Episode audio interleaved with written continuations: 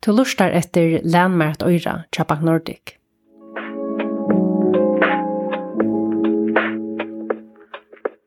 Og i dag får vi da ta oss om bostjelån. Hva skal til for å få lån til å kjøpe en hus? Hvordan stor skal egenfutingen være? Og hva gjør man om man ikke får lån til sine dreimahus? Hesa spurningar får jeg ta oss av Justin Jammer om. Hon eitir Anja Rein, og hon er deltarstjåri her i Havn, og velkommen Anja. Takk for det. Fyrst av ætlun, om jeg skal kjeipa ein i hus, hver lån er det så at uh, velje middelen? Ja, vi tar bankalån og realkreditlån. Uh, bankalån, det er, uh, som vi kallar for variabel, det er mest at det er skiftandretta, og så har vi realkreditlån som uh, begge kan ha skiftandretta og fastarett. Uh, realkreditlån, det kan så være opp til 40% av virnån av setstokkene, og vanlig så har vi så et krev som er cirka 20-20% i egenfortjeng, Det vil si her er så et lopp opp til 100%. Uh, og det kan man så teka, det resterende oppvattene kan man så teka i bankalån. Og det bankalån hever typiskt uh, en hakre rent i en realkreditlån. Og bankalån generelt er sånn i hever en hakre rent ta i uh, til de sørste 20% uh, som vi har fortsatt. Det er tog at det ligger så åttallige av virnen og ansett såkene nu nämnde du att det bankalån typiskt til en hakse rätte men kvar är firmen og vansene vi er det som sløven av, av lånen? Ja, hvis vi tar først et uh, akkreditlån, så er det så sånn at her uh, ligger noen obligasjoner utenfor landet, og en kurser er tilknyttet for obligasjonen. Og den kursen kan man si er så prøyseren av obligasjonen, og til så ut på etterspørninger av marsjene innom, uh, som står i res. Og hakker i etterspørningene er hakker i prøyseren. Det vil si, så kommer vi til det att väl då är det akkurat et land. Det kan jo bare være vid skiftende rente, og det kan även være vid en fastare rente. Vel du att det akkurat et land vid en skiftende rente, så uh, er det ofta det att och kontar velge det som äter en Og Det er här til at uh, fem år at han har opp til till land så skal det ut uh, faktisk av marsnaden og under land. Och det kan være en vansa Eh, och ju vi att ha avtäckta så risikoerna att du kommer omlägga landet til en högre ränta än du upplånade jag tog. Så det kan man se en vans. Men man kan eisen få en lakre rente? Man kan så eisen få en lakre rente. Men til så til, eh, man kan se att han var hemma avtäckter. Eh, uh, det akkurat land kan så eisen han har fasta rente, och ta hur kunden så trygt fyra räntan är först i ötlån landet. Och det til så fyra måneder vi tog. Bankalånet, til er som jeg nevnte i eisene, i det fyrre spørningen, til hever en skiftende rente, og veler man et bankalån, et i annet akkredit med skiftende rente, så må man tåle renten for opp. Eh, til å avvarska tiltøkpenning, og til er tiltøkpenningen til det som er etter at han har et lån og er faste utvarsler i kolner, og Her man da best vi er renten ikke skal hakka, så er ikke han skilja godt at ta et uh, land vi fastere rente eh, ta fasta, eller man kan säga att det är akkurat land vi fasta ränta. Det kan omläggas, men man ska svara värre vi att det kan ha en högre kostnad att tänka ner sig. Ett bankalån är så lättare att omlägga. Uh, och till det är så lättare att göra avtalar hvis det är att omstånd har bröjtast och det är nöjt att göra akkurat bröjtningar. Nu nämnde du att, att räntan av bankalånen skifter och vi tar ägstner i allkreditter som det skifter. Hur är det som månaden av att hembauen? Ja, måneren er, som jeg nevnte i første hand, at du kan velge, eh, som jeg nevnte her, det som jeg kallar for en femmere, til det at rettene er faktisk først og i femmere, men bakkalandet kan så, til jo skiftende, og i ødelen til jærskeren. Ja, på den måten, ja. Du kan ikke være trykker i at uh, rettene som du har i det, og i mai 1, og i den samme til dømes i september 1. Men det kan du så vi en uh, realgrunnet land med skiftende rett, og du kan binda det i femmere til dømes.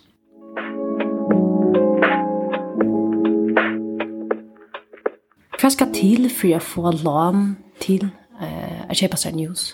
Ja, takk vi først uh, hvor jeg treter uh, vi som bare ikke har vært likla tøl og egen fortjeng. Så er det som utgangsøy så er snarere vi uh, uh, krever en egen fortjeng som ligger og leier 20% av det samlede fortjengene. Og vi tar veisen jeg krev til tiltakpenner. Og det er at uh, hvis vi til dømes tar kan ha familie, til tvei vaksen med tvei bøttene, så meta vit at tiltøkpenning skal liggja om minst 15.000 om måneden. Og det er bare ta i eh, landskjald og fastar utvarsler i golnar. Og fastar utvarsler er alt som ljós hit, tryggingar, vedskatter, patnansing. Um, så, så til, til nek som vi er trekt av, og det som man søver etter, det kan man si at det er til alt det vanlige, eh, som at kjøpa mat. Um, det kan eisen være at det er velukalt, eh, kvitt vørna færa, eh, gaver eh skulle klippa sig. Eh här mäter vi att 15.000 000 till eh, rejält att ha rätt till en familj med två vuxna och två barn.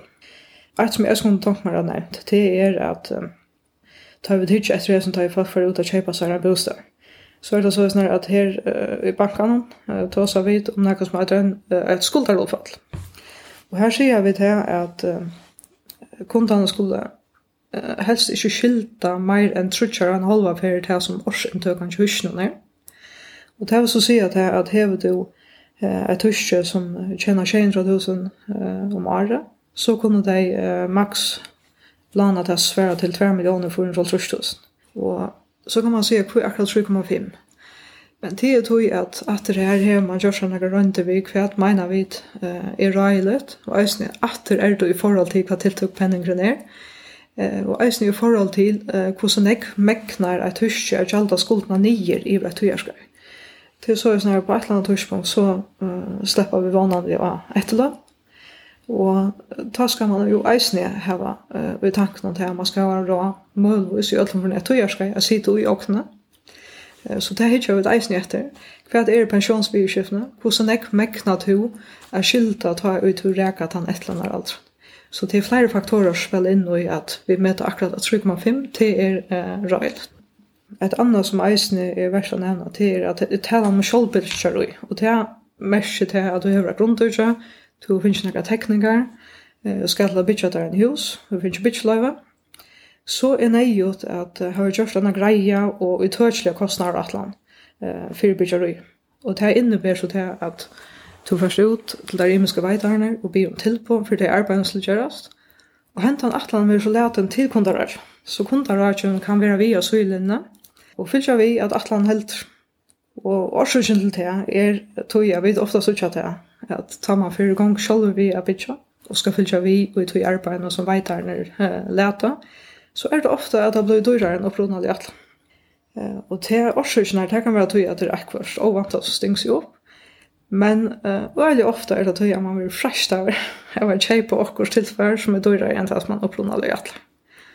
Så Och så blir det sammanlagt också dårs. Så blir det också dårs. Och vi tar så ofta om det här, som tar vi det här vid kjölpitcher så, så är vi att lägger upp för alla i 20 procent att det blir det här dyrare. Det ska, man vant.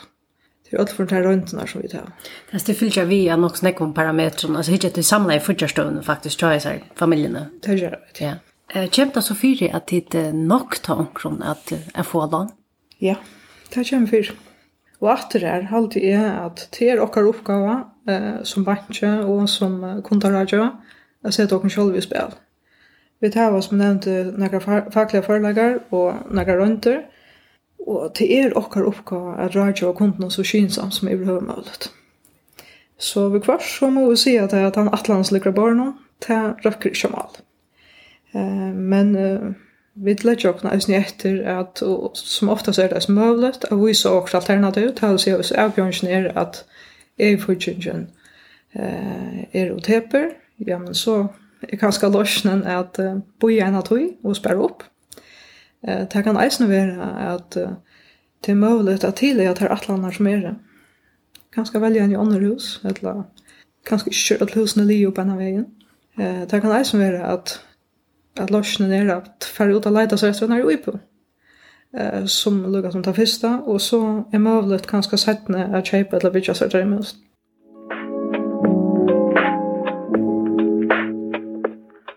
Jeg husker lukka at teka et døme, jeg kan et døme vettar. Hvis vi teka et per som er fyrst og i tredje for noen, de har en inntøk av, nei, jeg vet 3000 kroner kvør, og en innfyrtjeng av 300 000 kroner, Det här var två bötten och annars kan man säga vanligare utdragsler. Och tänk om du också ser en hus för 30 miljoner kronor. Jag vet inte hur hus kostar det mer än det i det.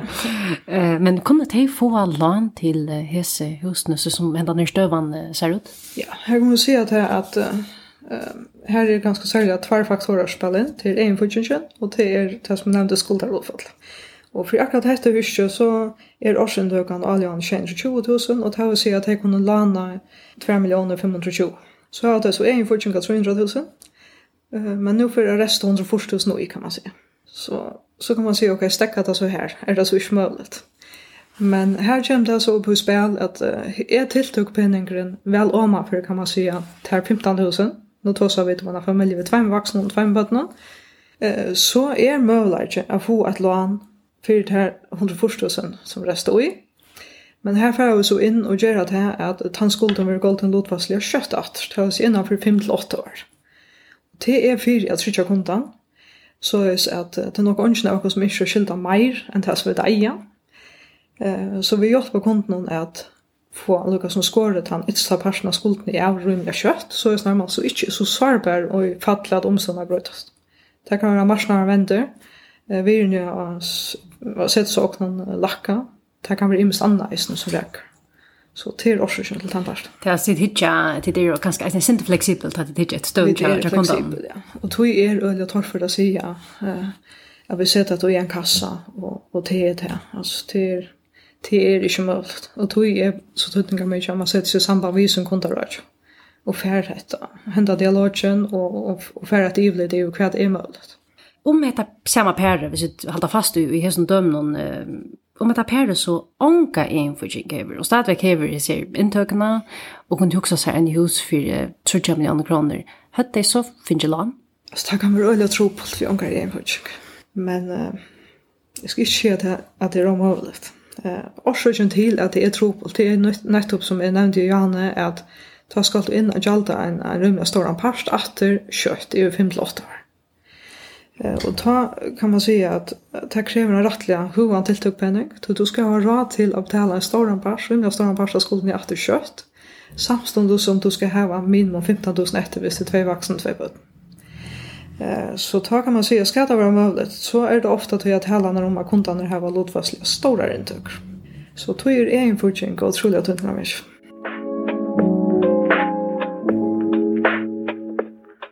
Nå har vi vært nok snakket inn i att vi vi er en fortjeng. Men kan man si, hva er hun området, og hva er hun reelt brukt til?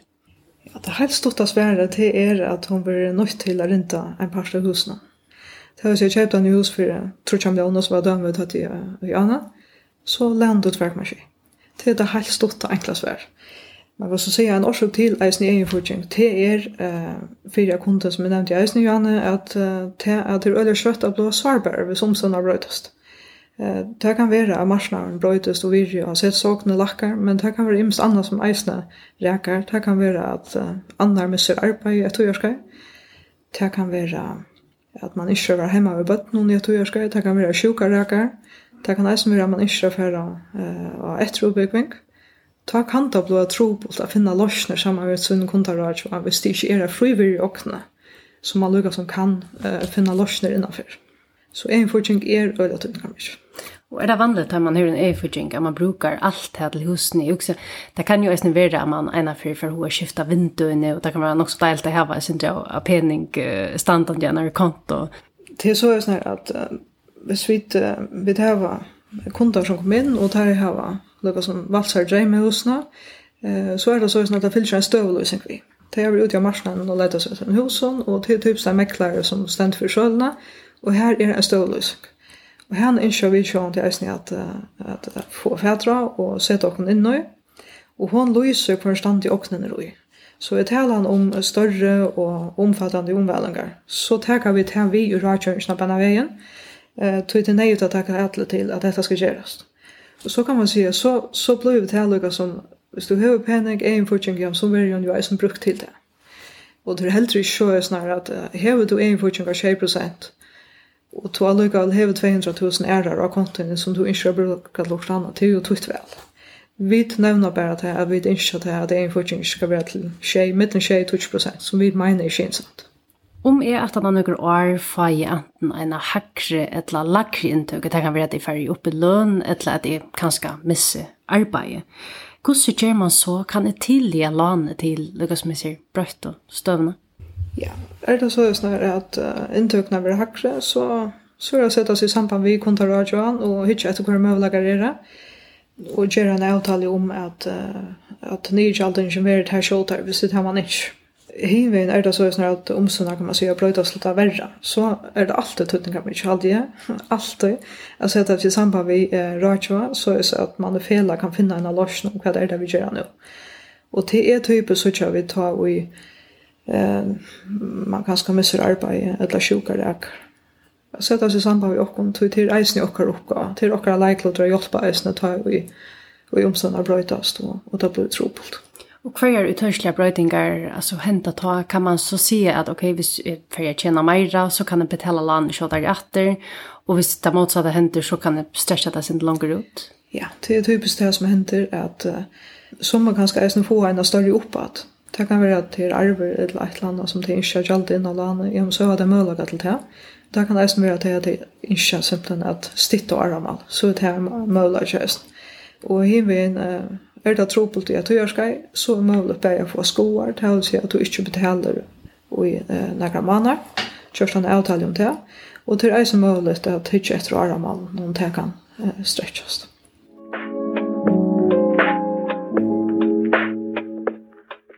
Til at lena pengar til en i hus hefur rettelig store avvarskan av fyrtjørstående av Chatamon allar flestum. Eh, så hva skal man særlig heva i hoa ta man for i holdt vi bostjerkjøp og eisne bostjerlån? Det er tøytninger mye å sette seg sammen vi kunne ta rødja av bæna veien. Eh, du tar imøvlet at avstemme hva drar til. Og hendt og så så får man jo helst ut av sette sammarsneien og leita seg etter en hus eh, som ikke er mulig å få fortjeng til. Og det opplever vi først at det er øyne kjeilet når man funnet seg hjemme i husene og så får man jo banken og så seg det ju och nu blir det til. Eh så det er skilla godt att ta att han dialogen och avstämma posta över till eh och tar man för ut han dialogen så är det pura naturligt att kunna ens nevne just akkurat dessa trätnar så vidare vi inne. Hetta vi skulder ta för alla vi tilltöker bench. Vi är en Eh Så man får avstämma att vi skiftene på vägen och så vet man lukar som eh er rammer man kan fara ut. altså hver er rammer for at jeg får ut og leite etter en hus. Og så halde jeg eisen till kyla gått gjøre göra noen tankar om hva det var mest tilltalat.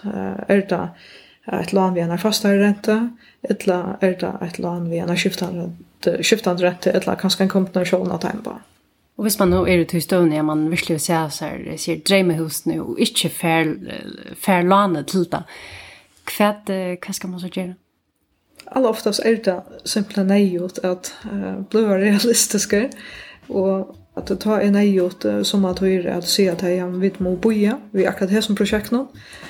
Och uh, vi nøyta kanske ett, två år till att uh, sanna penning samman till uh, som vi hava noktan i egen projekt. Och så færa vi i gang vi drøyma projektet og jeg har alltid nevnt det i åren, altså minne kan kanskje eisen gjøre det i byrjan, så jeg sa at man byrjar ved nær uipo, og så jeg spyrjar at opparbeid seg av frivere, og kan selja til uiboene til eh, en hakre eh, pris på et torspunkt, og så løs nær eh, har en fortjent til å føre gang vi til drømmeprosjektet som er.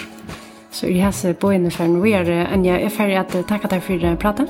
Selv takk.